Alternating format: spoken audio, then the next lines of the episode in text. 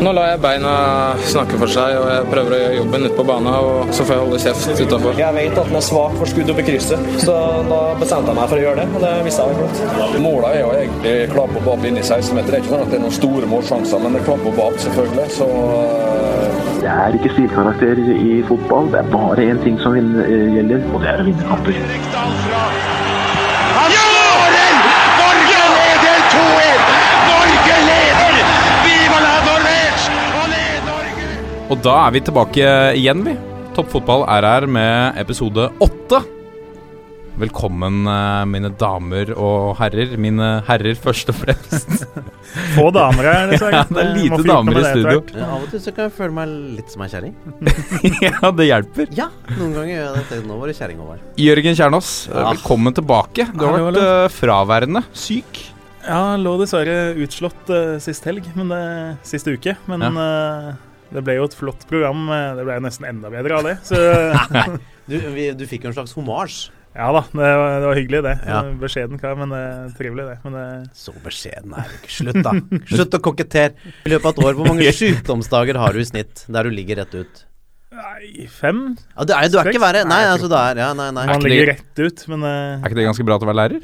Jo, du, du omgås jo mye Mye små barn, på en måte. Det, å si, det å tørke neser og hender er ikke Det er ikke alle som har det som førstepri alltid før de skal ha nærkontakt med deg. Så det Men da, hvis du har ligget eh, langflat, så har du sett litt eh, Fått med deg det meste av EM, eller? selvsagt brukte det som unnskyldning for å se EM. Selvfølgelig. Man hadde jo ikke gjort det ellers, eh, selvsagt. Så det, Det hadde du. jo, hadde nok det. Men Håvard, velkommen tilbake. Deilig å se deg her igjen. Selv om eh, Ja, det er, Nå er det ikke lenge siden. Nei, nå er det ikke lenge siden. Nei, nei, nei. Det er veldig fint, det. Ja, det er Føler du deg som en kjerring i dag? Var det det du sa? Nei, men noen ganger Ja. eh, Noen ganger så kan jeg føle meg litt som en kjerring. Og det kan være fint òg. Ja, det kan være fint. Ja. da. Men eh, ja. Har du gjort noe gøy i det siste? Vi snakka litt før i studiet her om en uh, snap, Jørgen, som du har fått fra en eh, Ja, det var jo et, en av nedturene vi ikke får vært med siste uke. For da satt og bladde gjennom My Story på Snapchat her for uh, halvannen uke siden. Og da dukka det plutselig opp en snap av unge herr Lilleheie som eh, satte et straffespark uh, utafor i, i en straffekonk i en eh, turnering på Klemetsrud. straffebom. Stra straffebom. Det, det spesielle med den straffekonken var at jeg, jeg bomma eh, første runde, men straffekonken gikk så langt okay. at jeg tok mot å ta straffe på nytt. Ja. Og da, da traff jeg, da. Men samtidig, jeg tror hvis jeg hadde satt den første, tror jeg jeg hadde vunnet. Og vi tapte straffekonken senere, så jeg var jo på en eller annen måte direkte skyld i tapet. Og eh, jeg spilte bare Jeg rakk ikke gruppespillet, for jeg hadde et eller annet jeg måtte på, på dagtid. Og så kom jeg opp eh, på ettermiddagen her når det var sluttspill, og rakk én kamp og, og ryke ut. Og rakk også å, eh, å gjøre skandale på, på, på Klemetsrud. Okay. Ja, det var altså for en opplevelse. Det var Vi møtte et lag, veldig sånn hardtspillende lag, da. Ja. Eh, det er greit, det. Eh, men de hadde en fyr dritsvær. Ja. Eh, og veldig brei. Du vet, det er noen som har både noen- De fleste høye er jo ofte litt sånn hengslete. Ja. Men han her, han var både høy og bred. Ja. Og så spilte han samtidig jævlig hardt. Ja. Og så var det en gang jeg var liksom på vei framover, og så var ballen et annet sted, og så tok han meg sånn Sånn stygg bakfra eh, med sånn dytt. Ja. Eh, selv om jeg var, ikke hadde ball. Og så ble jeg sur, og så mista huet, da. Barnslig av meg. Jeg tror jeg sparka han i ræva, og så Som man jo gjør, eller? Som man jo gjør. Og så tror jeg Jeg vet jeg prøvde et eller annet Jeg tror jeg sparka han i ræva! Ja, jeg, det, det ræva jeg gjorde. Og så prøvde jeg med et eller annet annet. Men ikke noe sånn, bare, bare trist, da. Eh, men så blei det Og da blei det commotion!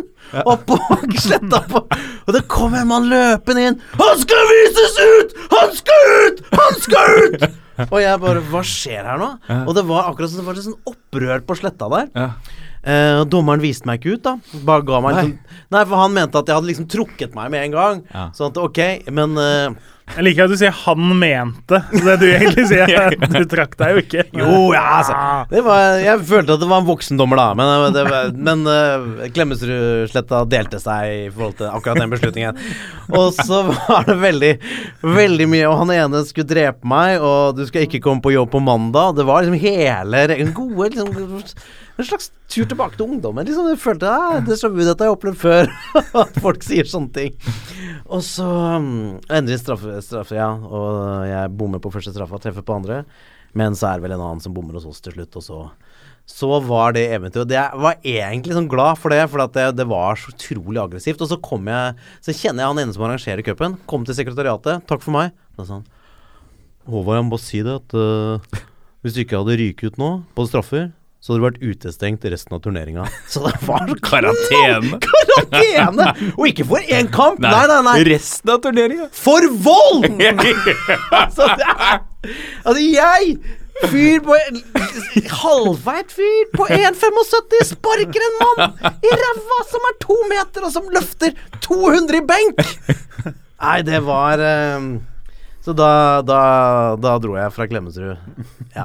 Men så Da kjørte jeg med halv halen mellom beina ned igjen. Men hva skjedde videre med denne karen? Møtte du han i uh... Ja, møtte han uh, Egentlig veldig fin fyr. Han bare Han bare Altså, hva skal jeg si? Han bare heter Glenn og blir litt sint, og det kan skje med alle.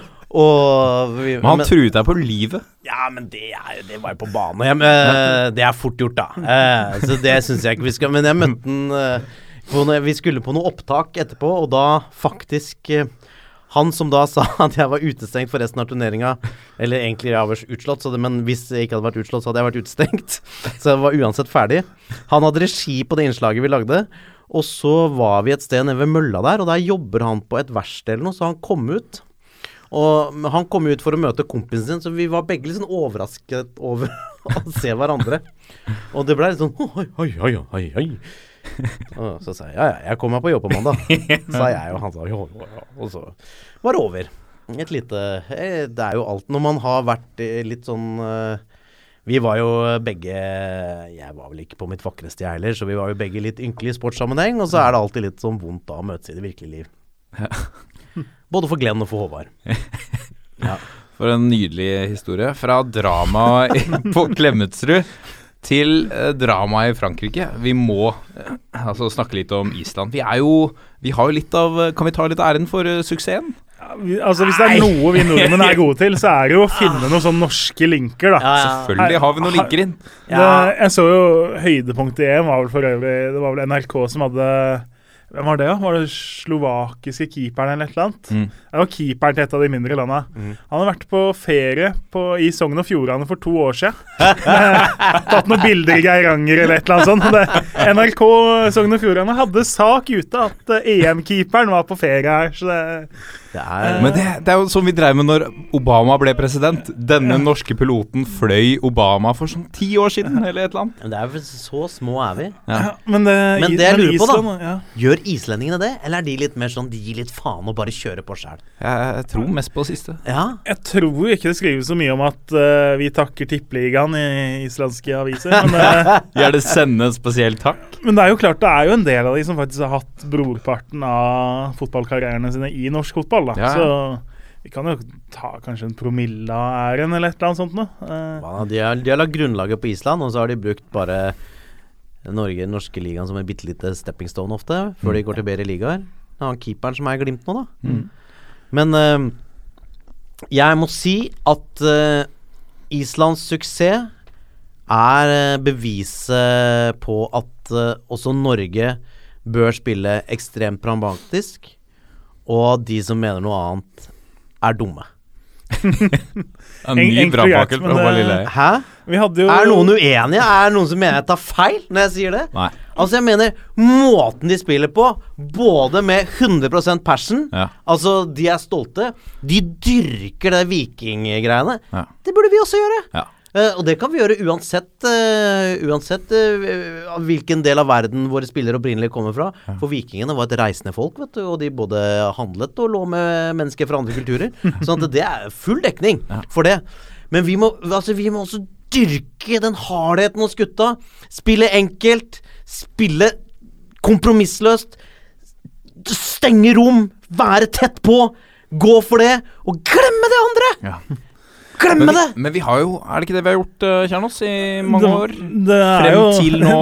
De fleste vil jo hevde det at det var jo faktisk da vi var gode. Da, da vi spilte på våre styrker. Det var ikke så vakkert for de som ikke var norske og løp rundt med vikinghjelmer og se på Drillos.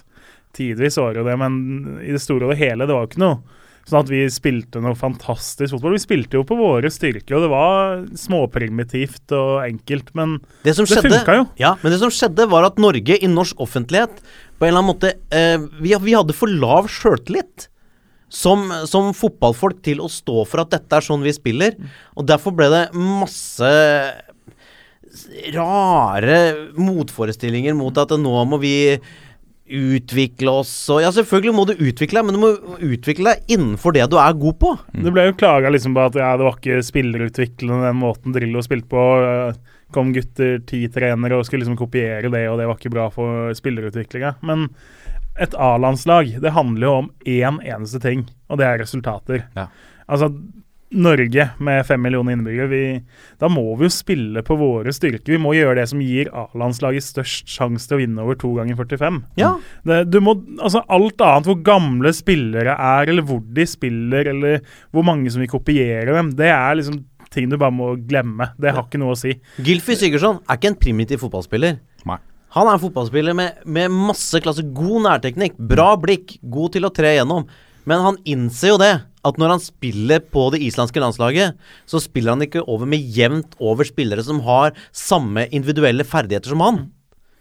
Og, og sånn må det være. Ja. Det er litt det samme med Gareth Bale i Wales òg. De har riktignok Allen og Ramsey. Altså de har kanskje noe mer eh, sånn sett da, ganske bra Premier League-klasse.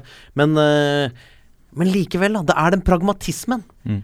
Jeg elsker den pragmatismen. Altså, Men- den Ja. Men vi, vi, hvis vi går tilbake, da. Nå, nå har vi et nytt overraskelseslag da i Island. Eh, og så hvis vi går tilbake, nå husker jeg ikke hvor mange år siden det er at Hellas vant uh, EM. To- Tolv år siden. Tolv år siden. Hvor de ble Altså, Europa var i litt sånn uh, harnisk. Det var litt sånn uh, vi, De var jo litt det samme. De var jo fryktelig godt organisert. Ja. Og så var de ekstremt gode på dødballer. Det, de avgjorde finalen på en corner, og det var et par kamper til der òg hvor de, de hadde vel ganske god uttelling på hjørnespark, for å si det sånn. Ja, ja, de var ekstremt på Det er jo ikke noe lag som liksom blir hylla i ettertid, men altså hva faen har det å si, da? For grekerne! Ja, ja. Det er Hellas, Ja. liksom. Hellas tok uh, første seieren i siste kvalkamp i år, da. Tolv år etterpå. Uh, det er jo, Hellas er jo sånn som Norge. De, de forventer jo ikke å kan, skulle være med i hvert mesterskap. De er ikke med i hvert mesterskap. De har noen årganger som er bra. Men altså, de vant. De slo Portugal i Portugal i finalen. De slo ut Frankrike i kvarten, som vel var største favoritten omtrent. Det, det sier seg jo selv at uh, alternativet da, Skulle de prøvd å spille fint og så ryke ut med to poeng i gruppespillet, hva hadde det vært godt for? Men, men det er jo sånn altså, det, er, det, det går jo nesten an å påstå at, det, at Island er det eneste nordiske landslaget som er på riktig vei.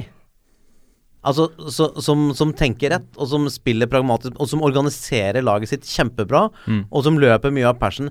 Ja, men var, var ikke Sverige et av de lagene som løp minst? Sverige var i hvert fall fryktelig stusslig. det var veldig feil, Ja, veldig Ja, men de lå langt ned på statistikken i forhold til hvor mye meter, mange meter og det, Man skal ikke se seg blind på det, det veit jeg, men det er likevel Det, Det forteller noe, da. Eh, og jeg tror sånn I Norge, og det er helt nydelig at det fins eh, fedre og klubber som utvikler spillere som Martin Ødegaard og Martin Samuelsen, eh, og som har den passion i seg. Men som landslag må vi være pragmatiske. Og jeg mener man skal, skal være forsiktig med å snakke for mye utvikling om et A-landslag. Nå hadde vi jo ut, er en utviklingsansvarlig, vel, Håkon Grøtland i NFF, som han var, fikk noen spørsmål av Dagbladet om liksom, hva man syns i NFF da, om uh, Island. Klarte jo da liksom på en litt sånn halvnegativ måte nesten å si at ja, Island var flott og fint, det, men de spiller så resultatorientert. Som om, som om det er noe negativt, da. Det, altså, det høres så merkelig ut. For det Han sa vel også at ingen på Island Ingen på Island er opptatt av å spille underholdende fotball. Nei, men Men de er jo uh, Veldig der de generaliserende påstand, Ja. selvsagt. Det, Det er ekstremt, men det er Selv om det ikke er så mange på Island, og du jo teoretisk sett kan ringe hver og en og spørre, så tviler jeg på at man har gjort det. Men er det ikke underholdende å se på passion? Altså, er det ikke underholdende å se på en fyr som står opp 100% i hver duell, og som ikke gir noe fra seg? Hvorfor er ikke det underholdende? jeg tror jo 99 av 100 fotballsupportere, hvis du får alternativet, spiller litt enkelt å vinne, så velger du jo det kontra å spille fint i gåseøynene å tape kampen. Spør engelskmennene hva, vi- hva de ville valgt. Hva har du lyst til? Det er, man bryr seg jo først og fremst om å vinne. Men du Det er jo noen som er jålete på det og selvsagt vil ha fin fotball og stadig krever mer og ha, holder du med United eller Bayern München, så legger du lista høyere. Men, Og det er helt lov, hvis, du- hvis, du, likevel, hvis du holder med sånne klubber. men likevel, møter de da Real Madrid i semien i eh, Champions League, så vil de jo heller vinne 2-1 på en litt stygg måte enn å tape 3-0 og spille fint. Og det ble, jo, det ble jo spilt en annen kamp også på samme dag, der vi der, Det er to andre lag som har oppnådd uh, mye mer enn de to andre Mm. uh, i, i nyere tid, møtes. Og det var jo også på en eller annen måte det pragmatiske laget Italia og Spania. Italia, ja, unnskyld, ja, jeg burde spesifisert. Men der ser du også hvordan Conte klarte å nulle. Mm. Spania han klarte å nulle Det er vel kanskje Tiktaka finnes kanskje ikke lenger, men uh, den, den uh, Ball possession, fint, det er raskt og det er lekkert. Altså Han tok ut Busquets, han tok ut Iniesta, og de var ingenting. Også I tillegg så har jo da Italia spiller jo denne 3-5-2-formasjonen på nydelig vis, egentlig. Så nesten etter boka. Eh, Savi var ute eh, og har sagt at Italia er et av de lagene de har slitt mest med å spille mot, fordi 4-3-3-en til Spania passer så dårlig mot den 3-5-2-en til Italia. Så liksom, Italia er organisert på en måte som gjør at de nesten liksom alltid framstår som de er i overtall da, i alle situasjoner ute på banen. Uh, så selv om Spania har et bedre eh, lag enn Italia på papiret, uh, så er Italia så godt organisert, og så har de perfeksjonert den der Trebekslinja. Og så har de de fire bakerste fra keeperen og de tre foran. som er jo best- er- er det verdensklasse, beste i uten tvil. Ja. Gutta, vi kunne sittet her uh, kjempelenge der, er, eh, og snakket om dette. Der, er, eh, vi, vi blir ikke ferdig snakka. Det, det er veldig gøy. Vi kommer noe tilbake til dette i, i pulsen også.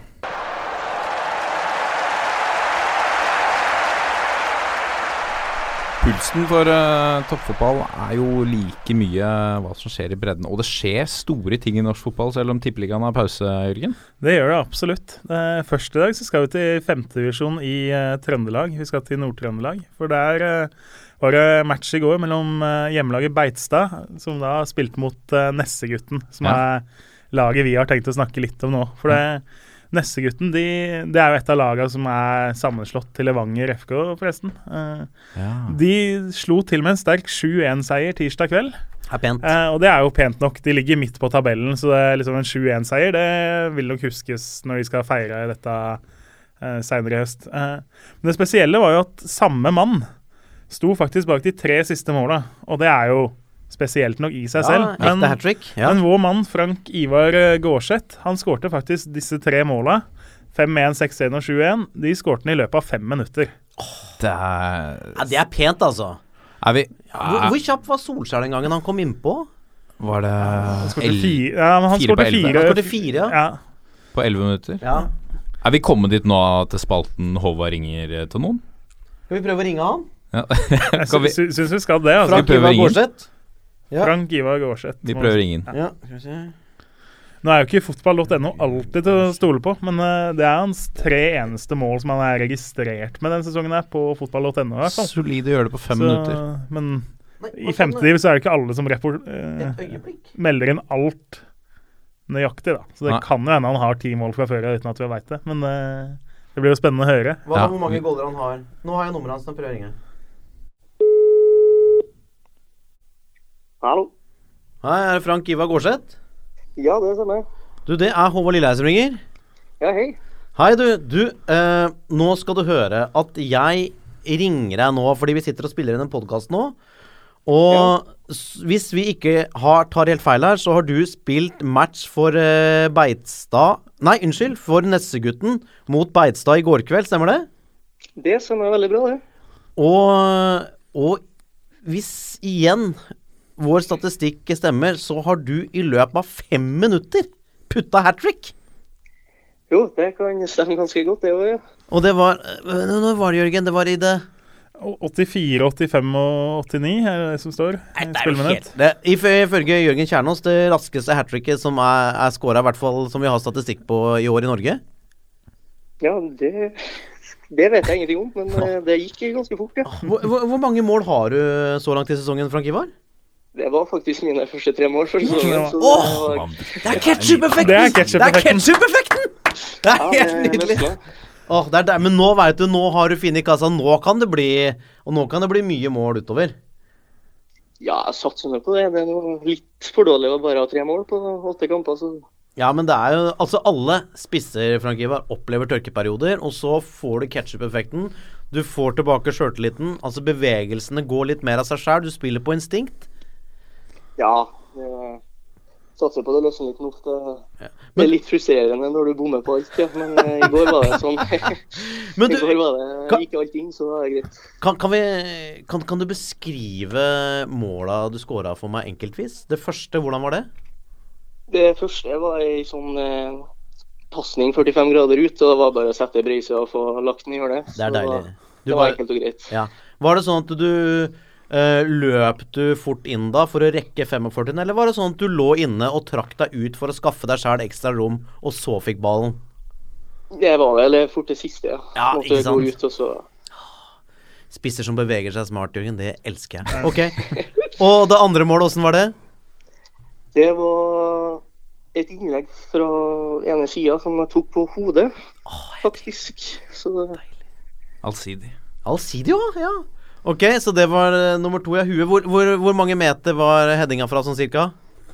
Nei, den var vel kanskje fra Den var fra hjørnet av femmeteren som måtte skrå tilbake og i mål, så I, i lengste eller korthjørnet? i lengste. Ah, nydelig! Ja, du merker at du, ja, du er en ordentlig spiss, du veit hva du driver med. Og siste målet, åssen var det? Det var en eh, ball i bakrom som jeg lodda over en keeper som sprang ut. Så Fantastisk. Så altså, du har breisida 45. Du header i motsatt fra hjørnet av femmeteren og har gjennomløpning med lobb. ja, det, det høres kanskje litt bedre ut enn det var. Men Det høres helt nydelig ut. Men hvordan eh, Åssen har sesongen eh, vært for dere i Nessegutten så langt?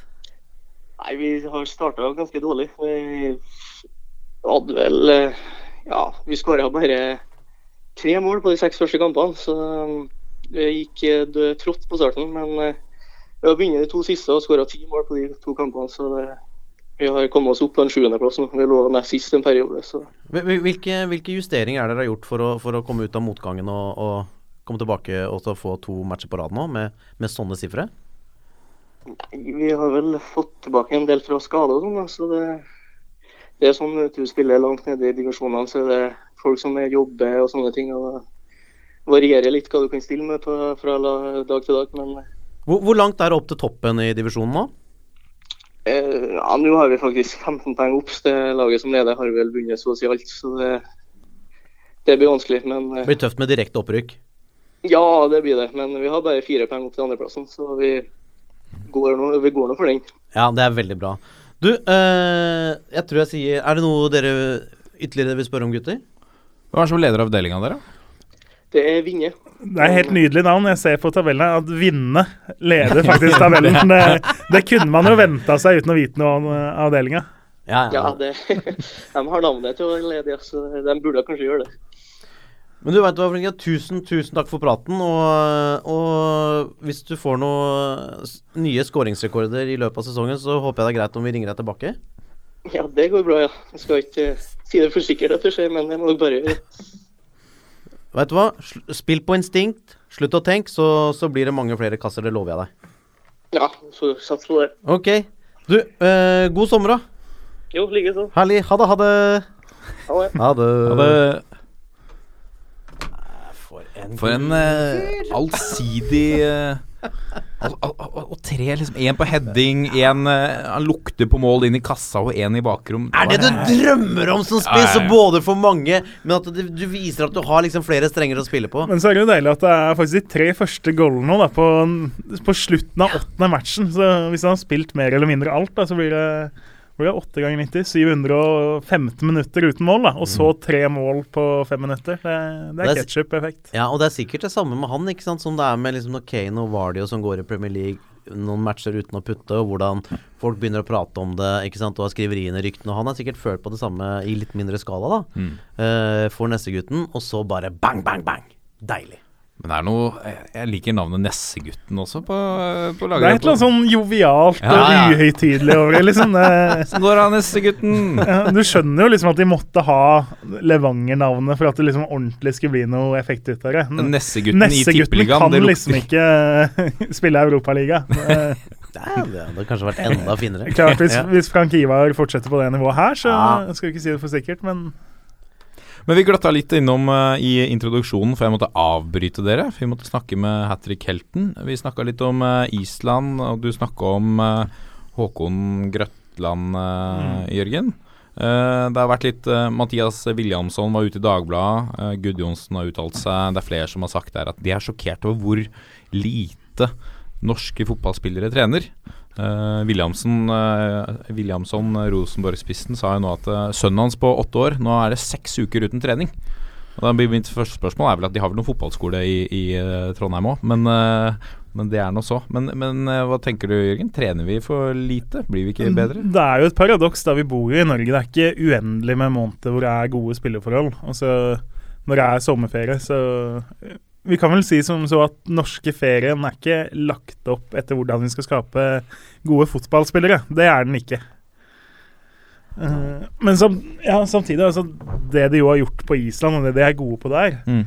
der er det jo litt status. Det er kult å trene unge spillere. Mm. Uh, de, nesten alle klubber bruker liksom penger på trenere som faktisk er kompetente. Da, på, helt ned til liksom alderen til sønnen til Williamson, åtte-niåringer, så har de trenere. kan være tidligere spillere som har tatt utdanning og får litt betalt for å trene de laga. Mm. Eh, ikke noe vondt om norske foreldretrenere, for det, uten dem så hadde jo ikke den norske breddeidretten gått rundt. Eh, det er klart at det er ikke alle norske fedre som løper rundt og skal trene sønnenes lag, som helt vet hva de driver med. Som kunne hatt liksom Mange kunne hatt godt av å ha noen som eh, har litt mer peiling, da. Ja, det virker som at den islandske modellen at de har satt seg noen veldig sånn tydelige mål. Mm. Eh, og at de Og altså det er sikkert mye krangel der, men du får et slags sånn inntrykk av at alle liksom drar i en retning. Mm. Og eh, i Norge har det jo vært veldig sånn diskusjon om eh, når er det riktig for spillere å dra ut i forhold til kontra å bli igjen. Nå er jo sikkert den, altså den islandske ligaen er selvfølgelig enda svakere enn den norske. Eh, sånn at det, den diskusjonen blir kanskje lagt litt død. Eh, men der virker det som de ser veldig positivt på at spillere drar ut tidlig. Mm. Uh, og det er jo det, altså, det, er, det er så mange islandske fotballspillere Dette er et veldig artig poeng. Det er så mange islandske fotballspillere som drar ut av de gode, at det er masse utlendinger som spiller på Island. Ja. Det, men det, Det er ganske artig paradoks. ja, det er ganske artig paradoks, for at de utlendingene kommer jo ikke da fordi det er uh, mangel på islandske fotballtalenter, men det er bare at de islandske fotballtalentene De har bedre ting å ta seg til enn, å- enn å spille i den islandske ligaen. Det har jo vært noen nordmenn på Island, og det er ikke spillere som har prega norsk tippeliga seinere. Hvem har dere hatt der oppe? Husker du noen i huet? Altså, Beste er jo faktisk at André Hansen har jo faktisk spilt der, Rosenborg-landslagskeeperen. Han har det, ja. Han var på utlån til KR Reykjavik, som er en av de største klubba. Da, det var vel da han fortsatt var i Lillestrøm og var egentlig reservekeeper der for Ja. fem, seks, sju år siden. Han har blitt meget god. Ja, absolutt. Ja. Han, han ble god. Han trente på Island. Han, han, Det beviser bare det! han sto som keeper på juniorlaget med meg som en av tre stoppere foran seg. Og da var han 14-15 år. Det er klart, da er du vant til å være naken som keeper, da. Han, han, fikk, han fikk mye å jobbe med i løpet av 90 minutter, kan man vel si. Så det, jeg tar en bitte liten promille av æren her. Men Robert Sandnes, som er i start nå, han har spilt der. Vi har hatt en del i Selfoss. Ivar Skjerve, som var bror av Haugesunds Vegard Skjerve. Han- Ja, du verden. Det er fantastisk. Så det er liksom, det er jo ikke, med all respekt for Ivar Skjerve, det er jo ikke en spiller som kom tilbake til Norge og satte sitt umiddelbare preg på norsk toppfotball, men uh, Men kanskje han kan bli trener her, da? som han, Siden han har, vært, han har vært en del av det. Ja vært en del av suksessen? Eh, det jeg leste også, som er jo litt av kritikken der. Så har vi vel faktisk Sødlund har vel faktisk vært der oppe for en del år siden. Ja, Sørlund han, han har jo vært overalt. Han har vært overalt, men er For en legende, ass. Jeg tror ikke vi skal skrive for mye av landslagskarrieren på Island, kanskje, men en liten del av det. Men eh, jeg så noe de, de snakket litt om, altså noe av kritikken mot den islandske modellen. Altså De har utdannet trenere tidlig, og de topper lagene veldig tidlig. Og det er jo den diskusjonen vi har nesten hvert år i norsk eh, fotball. Hvor tidlig skal vi toppe det? Og så har du kritikken mot det er at eh, det er jo ikke nødvendigvis at det er barnestjernene som blir de beste her. Kanskje vi mister vi noen av de som har størst potensial? Jeg mener jo at det handler ikke nødvendigvis om hvem som er best når de er liksom 8, 9, 10, 11 år, men hvem som er de ivrigste, da. Ja. Eh, for det er jo en forskjell på et fotballag. Mm. Uh, så har du de som er med og syns det er ålreit å spille kamper og kanskje trene én eller to ganger i uka. Og så er det de gutta som elsker fotball Mm. og gjerne skal spille fire-fem timer uh, hver eneste dag. Og Da må du kunne ha et forskjellig tilbud til de, da. Ja. Det handler ikke om at han som spiller hele tida, nødvendigvis er bedre enn han som bare vil spille litt. Men det vi har vært for dårlige til i Norge, da, er jo å gi liksom tilbud ut fra hva du faktisk har lyst til. Nå er det jo litt sånn at det er litt akademier og litt fotball-SFO-er. Så liksom De siste ti åra har det jo skjedd noe, men fortsatt så er vi jo ganske der på at alle stort sett får det samme tilbudet. Og Mm. det Jeg mener at er du ivrig, så bør du ikke nektes å få lov til å trene godt og mye med gode trenere. Nei, Nei, altså, og så må det, det må jo være mulig å få til en deling. Altså, det er jo veldig sånn Den norske modellen er jo veldig sånn at uh, alle møter opp på samme lag og trener, og så spiller vi kamper sammen, og så drar vi dit og spiller den cupen. Så må jeg kunne gå an der liksom de som er helt punch, Mm. de som er med på alt. Men så må man nesten kunne ha Jeg mener man kunne ha mer sånn derre Sånn fotballfritidsgreier der folk liksom møter og møtes og spiller på Løkka. Altså sånn halvorganisert, da, Ja. som også kan være sånn assosiert i forhold til idrettsklubber. At ikke alt trenger å være den derre samme kverna. Men det, ha, det har vi jo litt eh, i enkelte steder, i hvert fall i Norge. eh, Så, fi, så finnes jo det, men det er jo på en måte ikke noe Det er ikke noe plan på dette, at det er en, et virkemiddel. Det er jo litt opp til klubba. Altså Ja. Noen klubber er veldig gode på liksom, akademier og å gi et godt tilbud, men det, det er på en måte ikke noe sånn helhetlig tanke. Det kommer jo an på hvem som sitter og styrer forskjell, de forskjellige idrettslagene rundt om i Norge. Da, og liksom hvor stor kapasitet og vilje og gjennomføringskraft de har. Ja. Uh, men det finnes jo masse altså, La unga, hvis de er gode og ivrige, la de hospitere. Da, la de prøve seg fra de er ganske unge og få spille med de som er ett år eldre. For det, når de er sju, åtte, ni, ti år, så er det jo ekstreme forskjeller på hvor gode de er. Mm. Uh, og, Og hvor hvor de er ivrige de er. fysisk. Ja, og hvordan de er fysisk og teknisk og uh, smartness og alt. Hvis du er altfor god for ditt lag og driver og scorer sju mål i hver eneste kamp, la ham få prøve seg med de som er ett år eldre. Mm. Sånn er det jo fra de begynner med Fra de er 13-14, så er de fleste gode på det. Men enda tidligere òg, så tror jeg ikke det er noen veien for det. Men hvordan var det med dere da, Håvard? Var du en barnestjerne? Eller var, Nei, nei, nei. var du nei. ivrig? Ja, jeg var alltid sånn Jeg, fikk, jeg var sånn som kunne få sånn En av de som har vært mest på trening, men Ja. likevel ikke ikke starta så mye matcher. Men jeg var veldig Jeg var sånn fyr som kom veldig seint i puberteten. Ja. Så jeg var liksom alltid han lille tynne. Ja. Uh, så, og det, det bærte jeg med meg. Ehm, så, men jeg hadde jo så veldig glede av eh, liksom gjengen og gutta og for meg så var det jo Jeg, jeg syns det var gøy å spille fotball, men jeg elska det å kunne slenge meldinger. At vi liksom Ja. hadde uh, At du har det der fellesskapet, da. Ja. Uh, men jeg var så langt fra Men jeg er, jeg er kretsmester i fotball. Uh. For Stord turn- og idrettslag. Ja. Det er tittel. Jeg, har tittel, jeg har tittel Og så har jeg vært med på faktisk å vinne studentcupen. Eh, Men da var jeg blitt voksen, så da var jeg ikke Da var jeg på en måte blitt lik fysisk. Så da fikk jeg spille en del. Syndebukk i Klemetsrud-cupen. Ja, men det på en måte er ikke en ekte Men, uh, men studentcupen, altså der spilte jeg for Blindern. Finale mot BI, Oh, ja. og vant. Det var, det var, svært for meg. David mot Goliat. Var David mot Goliat, ja. Men vi, da hadde vi Det, Det Blindern studenthjem-laget Faen, det var et deilig lag. Det var sånn uh, Du hadde jeg som, Å ja, Blindern studenthjem, ja. Da var det litt sånn eh, altså, Det er jo et litt sånt eh, rivaloppgjør, det. BI mot, eh, mot eh, Blindern. Blindern, ja, ja, ja, ja. Selv om vi hadde folk som studerte alt mulig, men de bodde bare der. Men, men vi var veldig sånn tight, tight gjeng som spilte veldig mye sammen, da. Og så hadde vi, ja, vi kanskje to spillere som hadde litt sånn flair. Mm. Eh, og så var resten av oss var sånn punch, da. Og det holdt. Mm.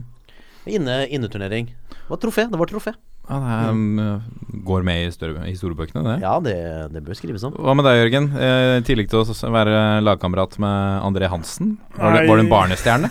Nei, på ingen måte. Det har alltid vært ganske middels opp igjennom. Ja. Men eh, jeg tok alltid igjen i hvert fall en del med innsats. da. Jeg har Ja. vært han litt dumme som har stukket inn huet der hvor andre ikke stikker inn foten, på en måte.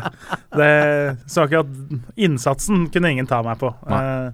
Men Men du hadde ikke det reineste tilslaget. Ferdig. Jeg var ekstremt god på å tuppe. Det, Det er undervurdert! Det er undervurdert i norsk fotball. Altså, vi burde jobba mer med å bli gode på å tuppe. Tuppe- Ja, er veldig uforutsigbart. Husker du Romario? Hvor mye Ja. han tuppa? Ja. Altså, han er ganske høy prosentvis andel av målene måla han skårer, var tupp. For det går så fort. Tupp, tupp inn i hjørnet. Problemet var at jeg var midtstopper. da Det handla mer om å tuppe ballen til uh, langt pokker i Ja. eh, Vekk.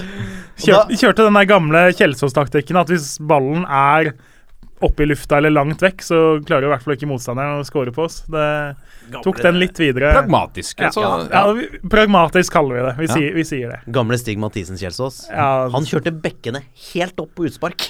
og de hadde, Hvordan skulle den bare sparkes langt? og så hadde du en midtstopper i Arne Jensen som vel i løpet av 15 år i den blå drakta Jeg tror vel det var én gang han brukte to touch på ballen, faktisk. Eh, det var en gang i 94 eller et eller annet, så Ja. måtte han faktisk dempe den. Men det, det var heldigvis unntaket. Men eh, mens vi snakker om dette om promatisk fotball, så har vi vært innom at vi har jo spilt sånn selv, landslaget. Og, og du, eh, Håvard, har litt eh, Vi snakket om det før sending om Prosjekt Høgmo. Hva syns du på en måte status eh, er eh, sånn som vi ser ut i dag på landslaget? Altså Prosjekt Høgmo fikk jo en veldig trang fødsel resultatmessig. resultatmessig. Og, og totalstatsen til Per-Mathias er jo fremdeles svak. Eh, Mm. eh, men så, så var det jo en slags sånn vending, da. eh, Du, i, du mener med innføring av samarbeidsutviklingspotensialet og Ja, for det blir altså Når du som, eh, når du som landslagssupporter da Ja. hører sånne ting, så, så er det, det er lett å bli litt sur. Ja. Ikke sant? Ja. Fordi at uh, Altså, jeg kan til og med Jeg kan akseptere at mitt elskede Strømsgodset Mm. er et slags At der skal vi tenke utvikling, der skal vi tenke prosess, der skal vi få opp nye fordi vi vi skal ha nye lokale gutter, og det skal jobbes inn i spillestil og sånn og sånn. Det er en klubb. Sånn må de tenke, for de har ikke alle penga i verden. Mm. Et landslag er noe annet for meg. Mm. For meg er et landslag et sluttprodukt. For meg er et landslag de gutta som går ut hver gang og gir jernet etter tydelige prinsipper. Og, og, og det, et landslag er jo også spillere som møtes sjeldnere. Eh, og som, en, en del av de har vel spilt sammen på aldersbestemte landslag, og man har vel visse kriterier man spiller etter der, som gjør at de kan både kjenne hverandre og kjenne rollene. Mm. Men et norsk landslag handler jo handler ikke litt mer om punch òg? Ja, altså litt mer om å spille som Og han har det har jo blitt mer pragmatisk på slutten. Ja. eh, og det er jo, nå er det blitt en tydelig 4-3-3. Uh, som jo også er en forandring. Mm. Uh, til det bedre. Mm. Uh, men, men da er vi jo da, da, Og kanskje litt mer direkte òg, men da er han jo stilmessig på vei Mot mot de, der som forgjengeren var. Mm. Eh, sånn at det, det er jo i, i og for seg sjæl også interessant, syns jeg. Men jeg Jeg syns at et landslag skal være et sluttprodukt. Et landslag skal handle om ja, litt sånn banale størrelser som vi liker. Det skal være litt sånn stolthet og hardhet og Ikke sant, vi hadde jo øyeblikket mot Kroatia Ja. i, denne, i denne kvaliken. Selv om gutta i fotball på VG De, de påstår sånn hardnakka at det var sånn opprør fra Kroatia-spillerne om å bli kvitt landslagstreneren. At Ja. de nesten la seg. Det, det, jeg, Det er fint om det liksom skal være oppturen vår, at de har gjort opprør. ja, det, jeg, jeg, det har jeg ikke noe dekning for. Det, kan Nei. jeg ikke si om stemmer eller ikke. Nei. Men også var det det lille øyeblikket mot Italia når vi sto imot så lenge der etter skåringa til Tetti. Eh, men så blei vi, så ble vi smågutter Mm. når vi skulle spille mot Ungarn.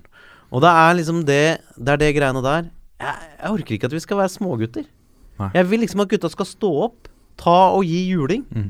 Eh, fordi at det er landslaget. Mm. Og vi, vi gutta er jo gamle nok til å huske den gangen vi, vi var der. Og det, det er nesten sånn at du føler at eh, et, etter den islandske bragden nå altså Nå er selvfølgelig eh, Brasil et bedre lag enn England.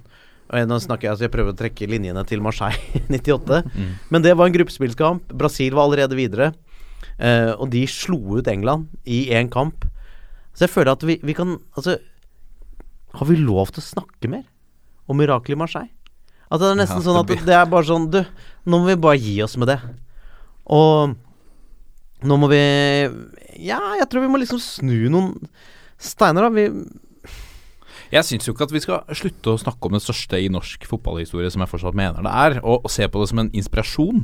Men uh, at vi kan slå de At vi kan slå de beste, det må liksom henge foran, foran oss der som en slags sånn inspirasjon. Men, men, men uh, men det er vel det vi, du er inne på å snakke om litt om om vi skal begynne å være litt mer kyniske. Ja, og nå skal jeg si det jeg mener er interessant. Ja. Det er at det har vært anført veldig mye i den norske fotballdebatten at uh, ja, vi kunne organisere oss til seire på 90-tallet, Mm. eh, men fotballen har forandret seg.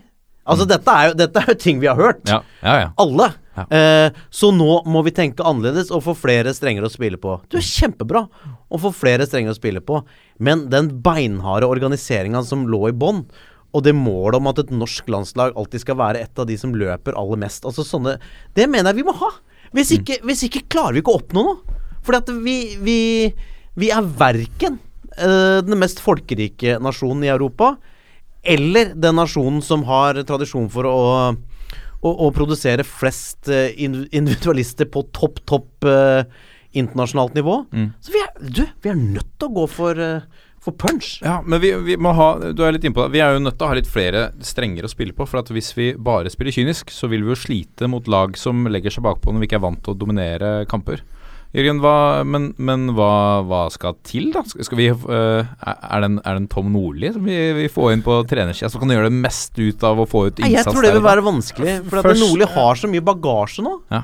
med klubber han har forlatt og Og, jeg, jeg veit ikke om, om spillerne ville ja, det, det Men hvis, hvis vi ser Kjør en idé og håper jeg, kjør den fullt ut. Mm. Sånn som Høgmo har blitt nå, så har det blitt en sånn der vingeklippa idé som man har liksom pakka inn og tatt vekk. og Vi veit egentlig ikke helt hva det er vi vil nå. Og så har vi bytta litt fordi det funka ikke. Kjør nå, liksom. Nå starta en ny kvalik og blanke ark, og det er greit at Tyskland, som vi møter først, er fryktelig gode. Men kjør nå. Det her er vår plan. Nå VM-nåløyet er Altså, det er trangt. Mm. Men vi må i hvert fall vite hva vi vil. Hvordan skal vi spille? Det Høgmo Bø egentlig har klart allerede nå han, hvordan vi skal spille mot Tyskland i september. Han veit ikke nøyaktig alle elleve, fordi noen kan bli skada, noen kan få en fryktelig formtopp og sånn. Men han bør i hvert fall ha liksom rammene klare nå. Sånn skal vi spille, sånn skal vi forsvare oss når vi skal angripe Tyskland, og når vi skal angripe de lagene vi møtte etter det. Så skal vi gjøre det etter de prinsippene her, og de står vi på, og de tror vi på. Og så må man selge inn det til spillerne, og så må alle vite da, for det Sånn som nå så virker det ikke som at alle som er på landslaget egentlig helt veit hva planen er, annet enn at vi plasserer de elleve vi tror er sånn cirka best utpå, og så spiller han til høyre, og han til venstre, og så ser vi hva som skjer. Det er litt enkelt, men det er nesten sånn det har føltes ut nå det siste året. Uh, Hvis du slenger ut et uh, spørsmål nå, nå tar vi snart sommerferie. Hvis vi skal, nå skal vi kaste oss ut i det. Hvem ville dere hatt som kaptein? da? Ville dere hatt Per Siljan? Håvard? Nei, vi har Stefan. Stefan, er Stefan Strandberg. Ja, nei, nei, Stefan Johansen. Se, ja. ja. Godset-Stefan, som jeg kaller ham. Men ja, ja, ja, for han, øh, han er eh, enda mer en spiller som liksom står for det litt sånn brystkassa fram. Altså, jeg syns Besilian ofte leverer øh, nesten litt bedre enn han får kred for på landslaget, fordi han alltid Han spiller feil posisjon. Ja, og han jobber alltid Han, han stenger Han er ofte mye bedre til å stenge sida si enn den andre kanten, men det syns jeg er som Han får litt for lite kred for ofte. Mm. Men ja, jeg tror en fyr som Stefan er bedre ja, som kapteinsemne, fordi han er mer han, han, han utstråler mer aggresjon da, Ja. og, og villskap. Eh, og jeg tror akkurat eh, de verdiene der, eh, med å utstråle villskap, passion, og ta de Hvem var det han fikk det der målet mot, Stefan, når han bare løp mot keeperen, og keeperen gjorde en forferdelig jobb? Så fikk han den der goalen. Nå ser vi på deg, Jørgen. ja, å, Ja. Gud, nå Det er ikke, det er ikke så lenge siden heller. Han, er, han, tar, han tar et sånt, nesten sånn tulleløp med at du bare sånn gønne på inn mot keeperen, og så dummer keeperen seg ut. Jeg sjekker opp i det. Men, sa, sa, ja, men sa, samme det, da. Ja. Uh, og jeg, det er jeg som bringer poenget, så jeg burde jo hatt dekning for det. Men, men, men, men akkurat de holdningene der Ja. bør gjennomsyre norske landslaget fra trening, treneren og nedover. Ja. Og jeg, ser, jeg så han derre Han hjelpetreneren på linja, han islandske hjelpetreneren mot England, Mm. de fanger han opp for Lagerbäck. Han sitter jo så mye. er Tannlegen? Ja, tannlegen. Bare står sånn. Slår knyttneven inn i flattanna si og ser ut på gutta. Nå står vi opp. Og så, så driver de fansen med sånn krigsrop Ja, ja. på tribunen. Er det Går det an å få det deiligere? Ja. Det er helt Det er bare sånn Jeg får så frysninger. Og jeg, jeg er jo ikke islending, jeg er nordmann. Men jeg identifiserer meg sjøl nesten sånn i ynkelig grad med de folka, fordi de, en eller annen gang så var det masse så, øh, øh, norske gutter og menn som, som øh, dro til, til Skottland og Irland og England og henta seg damer og bosatte seg på den øya, liksom. Ja. Sånn at jeg, jeg kan føle At det er litt på en eller annen ynkelig Ja. måte en slags sånn Ja, men de er litt som oss, for det er samme gener.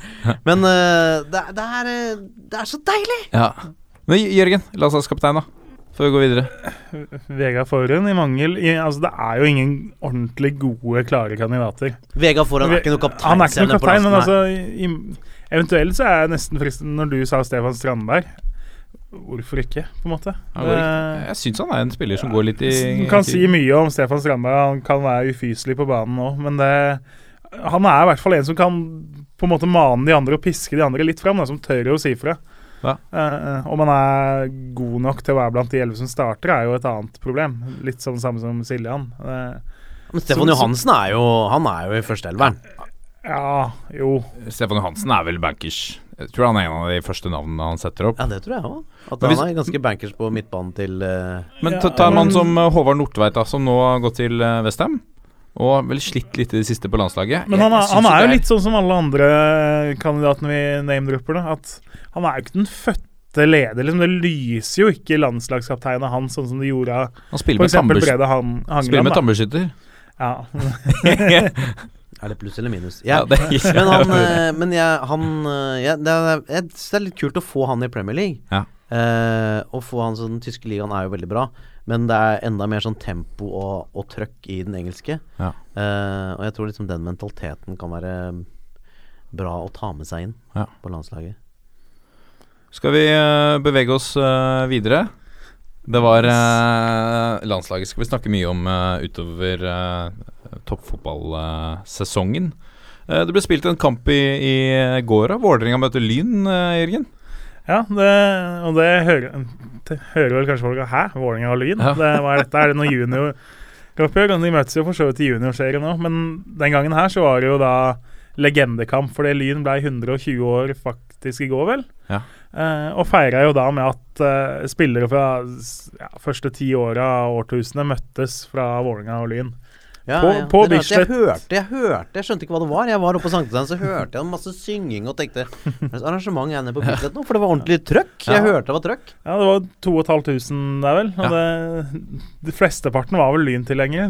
Og Lyn hadde jo et ganske sterkt lag, bl.a. med Edu, som jo har var en del år der? bak seg i Bundesliga nå, mens nå er uten kontrakt fordi han har vært skada og aktuell for Lillestrøm, faktisk. Ja, Eh, Trener men med så hadde jo litt annet jo Steven Lystig og Erling Knutson og legende, Kim, Hol legender. Kim Holmen var med, var vel Jonny Hansen. Jonny Hansen, ikke Jonny minst. Hansen er lynlegende.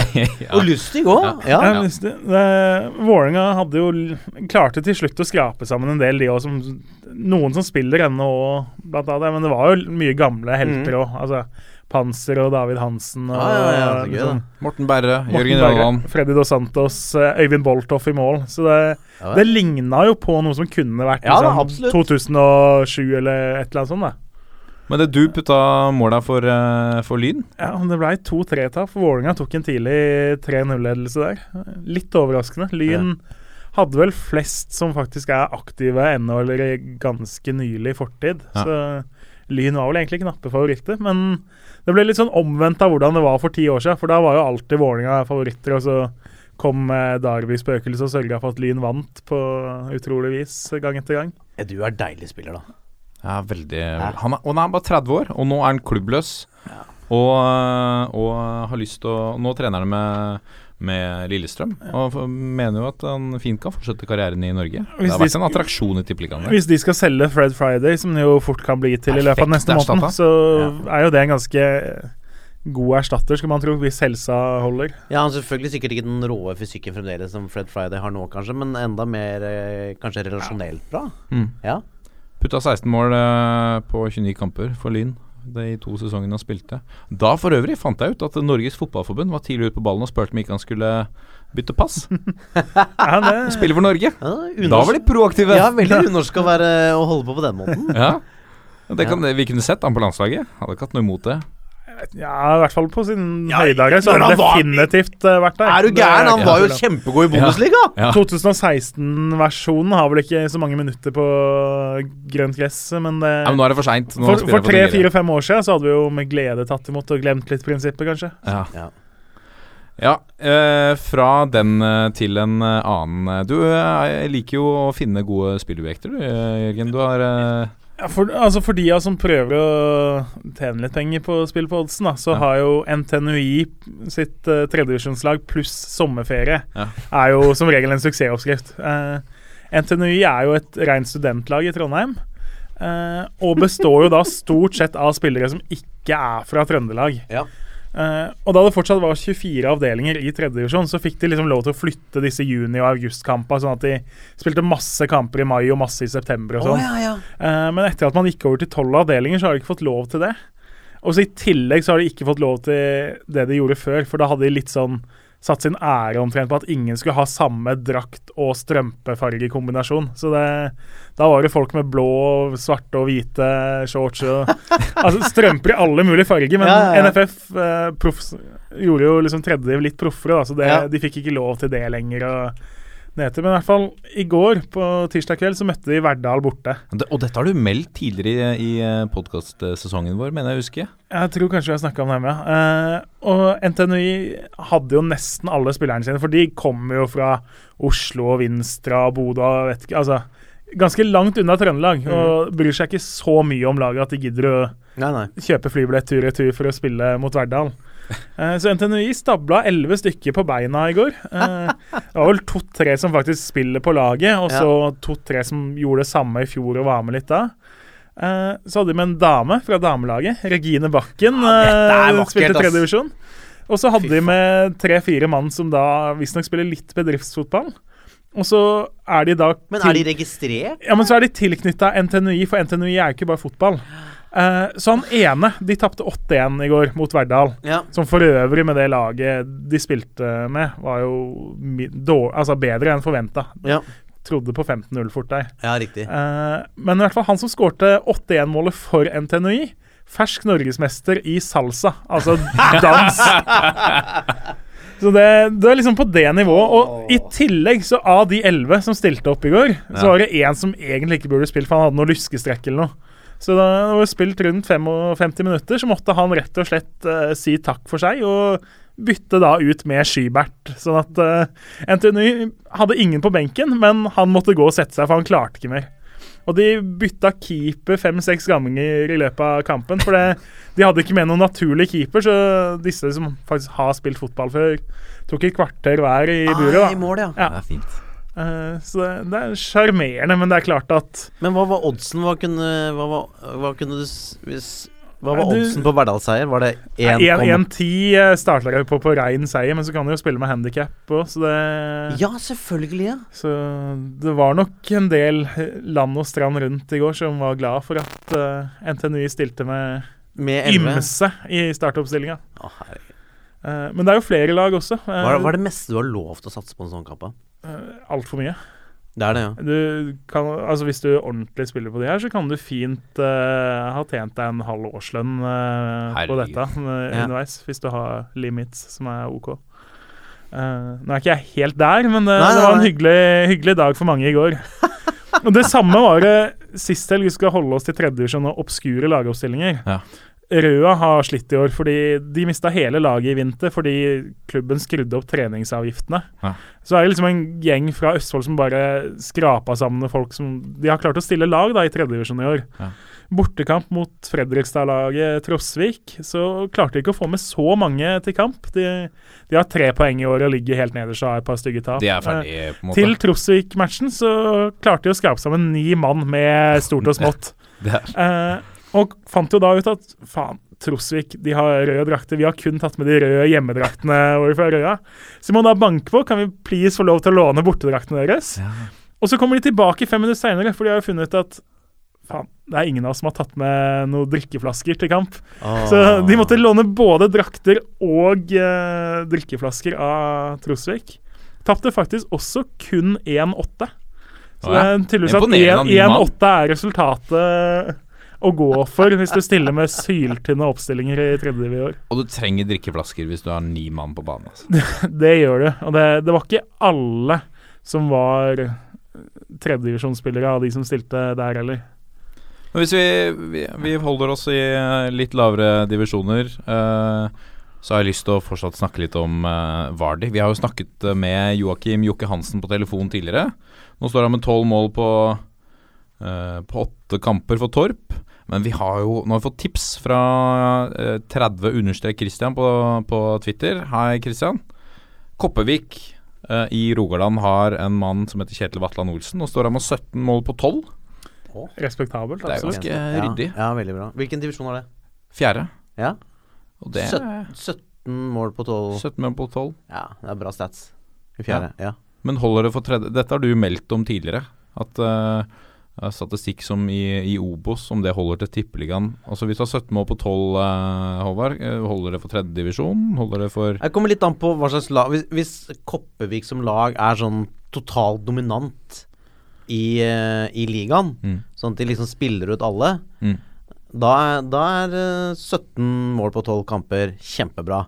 Men hvis Koppevik er et sånn lag som spiller for spiller er helt ganske jevne med mange av de andre, Ja. Og han likevel klarer å putte 17 liksom fordi han er helt rå, Ja. da føler jeg Da må det i hvert fall være andredivisjonsmateriale. Ja. Men det kommer litt an på hvor bra Altså, hvis laget, så Koppevik, er mye bedre enn de andre, Mm. da får han jo veldig mye sjanser. Det er litt som å være spiss i, i Rosenborg. Eh, Tippeligaen noen ganger, at du får flere sjanser enn de andre fordi at de produserer så mye. Men hvis de eh, er et helt sånn ellers vanlig besatt uh, fjerdedivisjonslag, så er han kjempegod. Jeg har en mann til og Jeg vet ikke om vi snakka om Alexander Dang. Nei. Eh, spiller for Sotra sportsklubb, som da ikke må forveksles med, Med Nest. For da, da får du noen sinte lyttere i så Ja. fall. Det, de møter jo Nest Sotra 2 i sin tredjevisjonsavdeling, så det ja. er nok noe varme oppgjør der. Ja. I hvert fall uh, unge Dang. Han har vært en målskårer av rang uh, i Bergens breddefotball et par år nå. Dang Brang. Rang, var Eh, fin. ja, både spil, spilt for Hovding og spilt for Vadmyra før. Nå står han med skal vi se her, Han står med rolige 28 mål på 16 kamper så langt i år. Oi, oi, oi! Og det er hvilken divisjon? Tredje, syv av de var i to, Tredjediv? Syv av de er NM-kvall. Han skårte to mot uh, Follese og fem mot Gneist. Og så har han da 21 i serien så langt. Eh, men Sotra er jo da et lag som sammen med Brann 2 er best i den avdelinga, og som liksom er litt sånn De skårer mye og vinner mye mot bunnlaga, men Ja, men likevel, dette er Han er ikke noe one season wonder heller. Han Nei. var oppe på et ekstremt antall i fjor og sesongen før det òg. Så eh, det er en mann som har prestert ekstremt i tredjediv. Og han, ring, han ringer vi neste gang. Ja. Ja, han ringer vi Alexander Dang. Ja, Alexander Dang. Følg med. Høres så kul ut òg. Ja, ja, ja. Alexander Dang, har du hørt Dangen? Skårer jævlig med mål nå. Helvete, han har 28! Nei, for faen. Alexander Dang, han er helt rå. Hæ? Han vil jeg prate med. Ja. Han ringer vi neste gang. Han ringer vi neste gang. Jeg skal kontre med Didrik Mostu, som du tidligere har eh, nevnt, eh, Jørgen. 22 mål på 10 kamper. Det er Skedsmo, er det i tredje divisjon? det er tredje. Det er ganske ryddig stats, det. Og nå putta Ja. han eh, to i helga mot uh, Sander. Tøft for Sander da, å spille 1 mot 11. Eller tenker jo at Sander og Viking og Odd bør jo lage en sånn der eh, navneturnering. Ja. Guttenavnturnering av Sander og Odd og Viking. Er Viking i guttenavn? Nei, ikke Viking, Vidar, mener jeg. Ja, Ja, Vidar. Vidar, Ja, Vidar, ja, det er, selvfølgelig. Poenget, poenget ble litt borte. Jeg, jeg skjønte ikke! litt borte. Jeg jatta med! Men ja, du, Ja, var, ja. du var så jævlig Ja. jovial Ja. ja, ja, ja. Jeg trodde det kom et poeng her! Ja, ja, ja. Men vi, ja, ja. Sander, Vidar, Odd. Ja. Det er nå, nå er det på ballen. Ja. Og Skjalg. Men Skjalg, ja. Bjørn i Sogn og Fjordane, det femte Nei. eller sjette Bjørn. vi- Og Bjørnar. Bjørn. Bjørnar. Men det har blitt Arna-Bjørnar, så der, eh, før så var det bare Bjørnar. Arne Bjørnar ja, Nei, nei, nei. ja, jeg vet det, men Arne Bjørnar går jo nesten an å hete. Ja, det kan være nesten- litt ja. eh, Ja. Men ja, Mostu er jo en ekstrem spiller på det nivået, faktisk. For han, Ja. er, han er fryktelig godt trent. Han er personlig trener eh, Ja. av yrket. Det veit jeg fordi jeg sponser treningssenteret hvor han er ansatt, eh, med en månedlig donasjon. Ja. Så Mye av hemmeligheten bak hans Som- suksess. Du er med og sørger for at han har jobb. Ja, faktisk. Så jeg tar, tar en promille av æren. Tok litt av André Hansen i stad. Nå tar jeg litt av Mostu sin òg. Sånn Før vi går videre, så må vi, vi må nevne Martin Trø nå. Vi nevner han eh, titt ofte. Nå står han med 28 mål på 15 kamper. Ja. Og det er, Spinnvilt. Eidsvoll-turen. Men der har du det som du snakker om, Håvard. Eidsvoll er jo overlegne i den uh, divisjonen. Ja. Så, men nå trener han med Lillestrøm. han gjør det, Ja. ja. Han er ønska Altså, både Strømmen og Mjøndalen har vel vist at de gjerne kunne tenke seg hans tjenester i sommer. Men det, er- det er ingen som vil hente Alexander Dang? Jeg er usikker. Det, Etter denne podkasten så er det flere som ringer han enn oss. Alexander Lang hvis du trenger en agent. Håvard Lilleheie. Eller Charter-Svein! Ja, Chartersveien. Chartersveien, Men jeg kan gjøre samme jobben. Ja. ja, ja. ja. Ring Håvard Lilleheie. Ja, veldig bra. Uh, men uh, Jørgen, du har flere mm, ting på breddefronten. ja, når du sa at Eidsvoll-turen er overlegne i uh, sin avdeling, som da er tredjevisjon avdeling 9, så Ja. er jo da Alvdal tilsvarende sjanseløse i samme avdeling. Ja. De var ikke helt sjanseløse, fordi 16. mai så spilte de da klassiker mot Strindheim 2 på hjemmebane. Ja. Eh, vant faktisk 2-0. Oi. Eh, men siden så har Alvdal fått en del skader og litt folk som ikke har kunnet være med til kamp av ulike årsaker. Så etter den så er det da 1-8 for nevnte Eidsvoll-turen. Mm. Fortsetter med 0-5 hjemme mot Trygg Lade. 0-6 hjemme mot Gjøviklyn 2. Hei sann. 0-7 borte mot Skal Lillehammer. vi se, Da er vi på 13. Og så har vi da rolig 0-12 borte mot Raufoss 2. Før de nå faktisk skårte, men tapte 1-9 for Redalen hjemme sist helg. De er i oppløsning. Fullstendig Ja, det, oppløsning. det er ganske tungt, for å si det sånn. Har Men, skippet eh, sluppet 49 mål på de siste jeg tror det var 49 vi kom opp til på da siste seks kamper. Har det vært det- noe sparking av trener inni det dette her? eller Det som var de interessant òg, at eh, jeg så faktisk nå at keeperen deres han er visstnok på det nærmeste klar for Nardo, som jo er en habil annendivisjonsklubb. ja. Så når keeperen faktisk kan gå fra bunnen av tredje til Du har sluppet inn med- Jeg tror ikke han har stått alle kamper, men han Nei. har vel stått halvparten av dem. Og, Ja. ja, så, så man kan jo lure på hvor gøy det er å være Alvdal-spiller for tida. Og hvis keeperen er din beste spiller, og er i ferd med å forlate skipet Og du har sluppet inn 49. og det kan bli, Da kan det bli lang høst. Ja, det kan bli tungt Det kan bli i Alvdal. Har dere noe mer på, på pulsen før vi skal videre til å snakke om en legende? Vent litt, skal jeg se, skal jeg se, skal jeg se Nei, ingenting.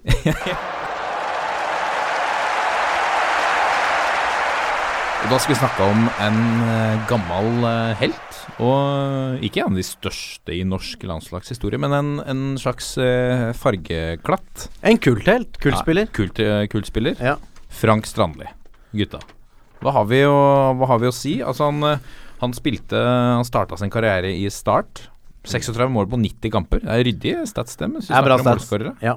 Og Start var jo gode der en periode òg. Ja. Lå jo det var det, ene, det var det ene året der med Det var jo Myggen og Svindal Larsen og faen, det, var, det var mye gull der, altså.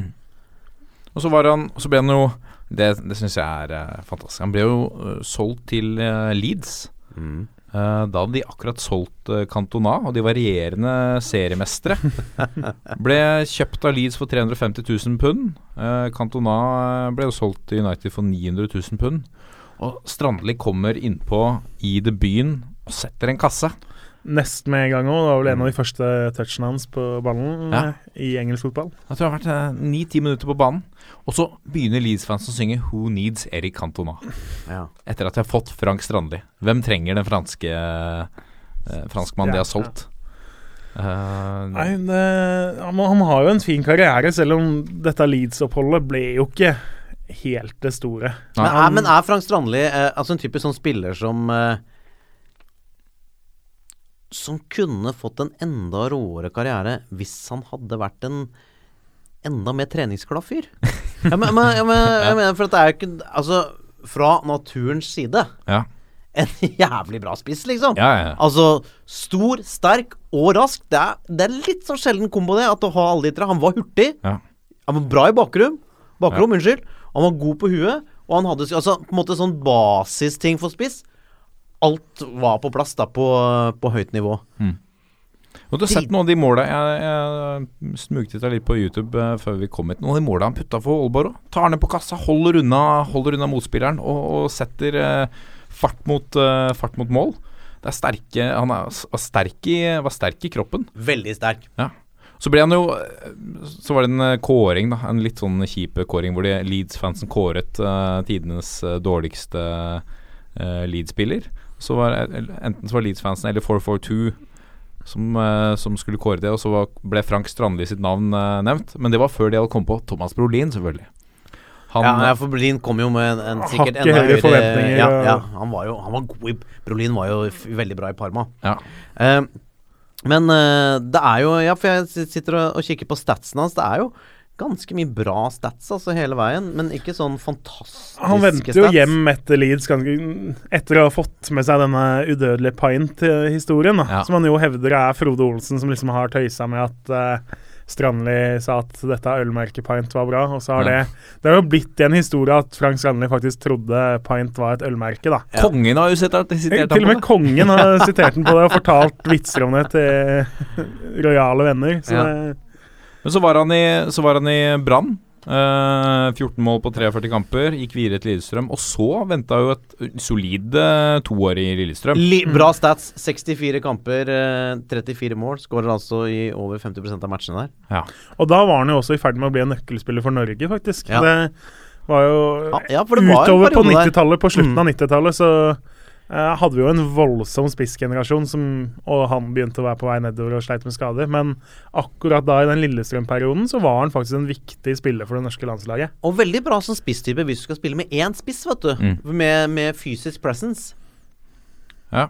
Um, han, og så gikk han til uh, Panathinaikos. Som Spilte jo der var- sammen med Myggen. Veldig gode på den tida, så Ja. han og Myggen eh, hadde vel noe artig år. Og det var ikke alle kamper hvor det uh, var helt rolig på tribunene der, vel. Nei. Det var god stemning i en del kamper, så han, han har nok noen fortellinger og noen erfaringer som sitter igjen etter tida i Hellas.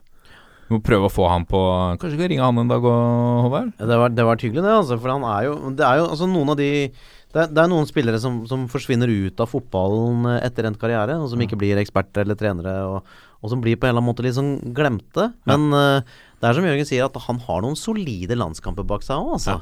Eh, og han, han var han, Altså, han var jo Ok, han blomstra aldri i England, eh, og dette er Mon svare for best sjøl. Kunne kanskje hatt en enda råere karriere hvis han hadde vært enda mer systematisk og, og treningsglad, men sånn er jo ikke alle.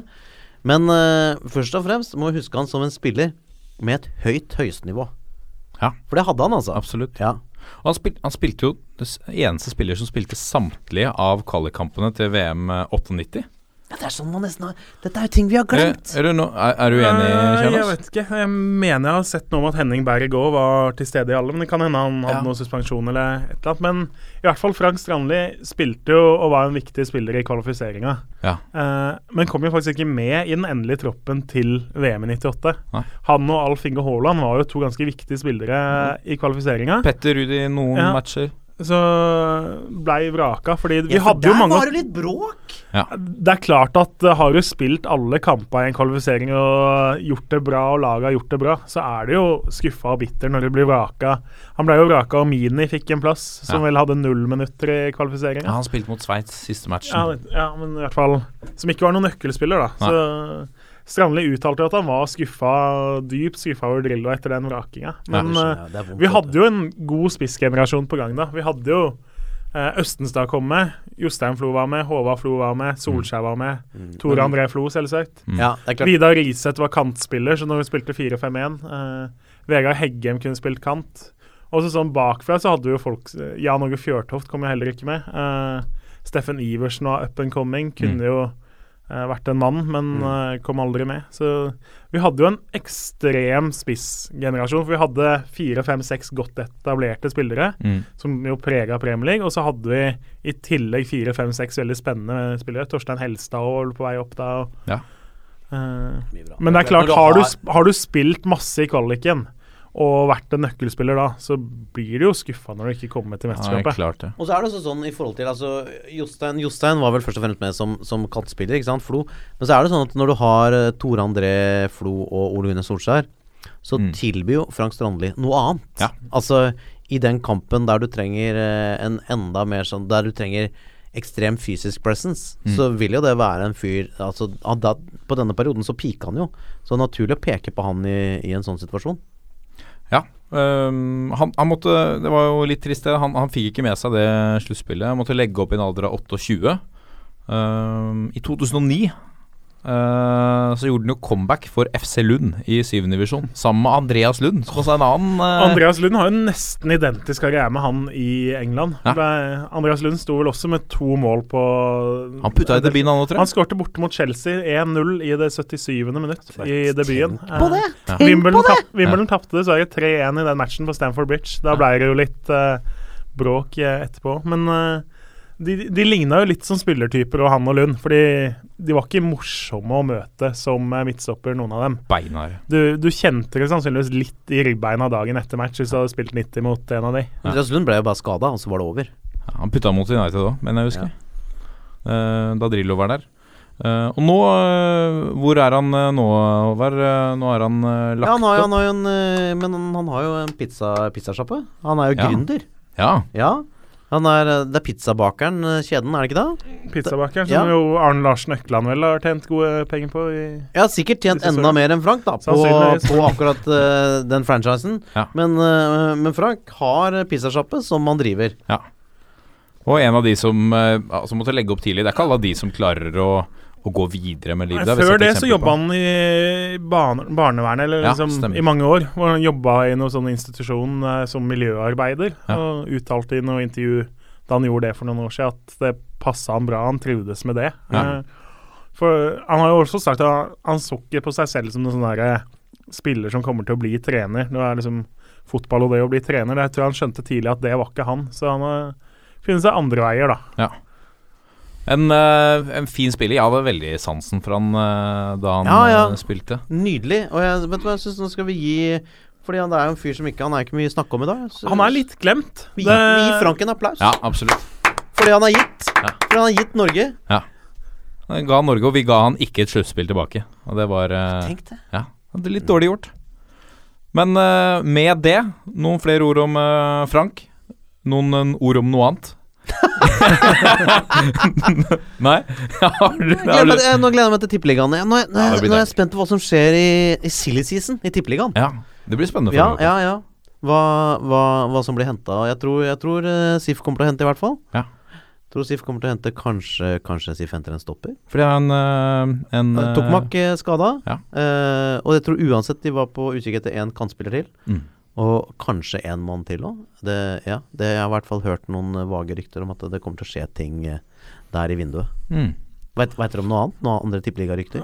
Molde er jo i gang. Fredrik Gulbrandsen ut, Fredrik Brustad inn. Eh, Ja, og det er spennende signing, vet du, med den ekstremfarten hans. Mm.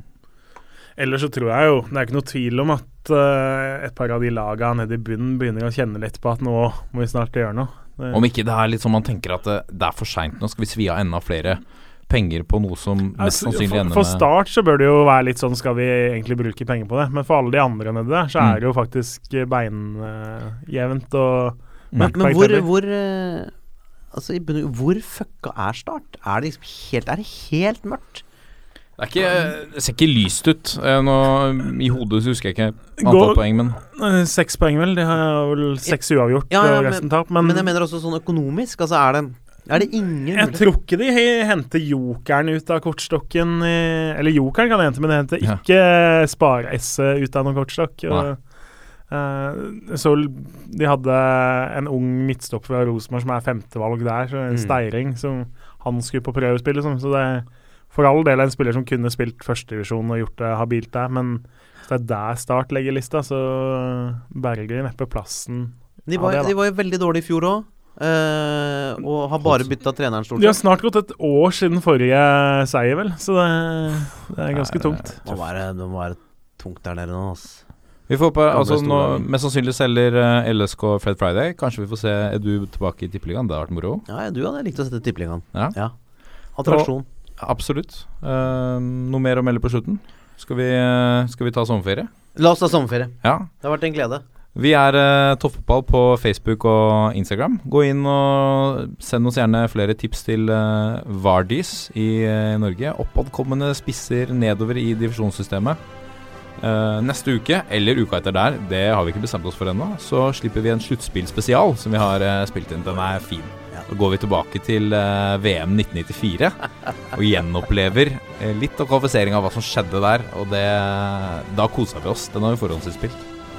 Følg med. Takk for i dag, gutta. Det har vært eh, moro. Takk. Takk selv. Ha det.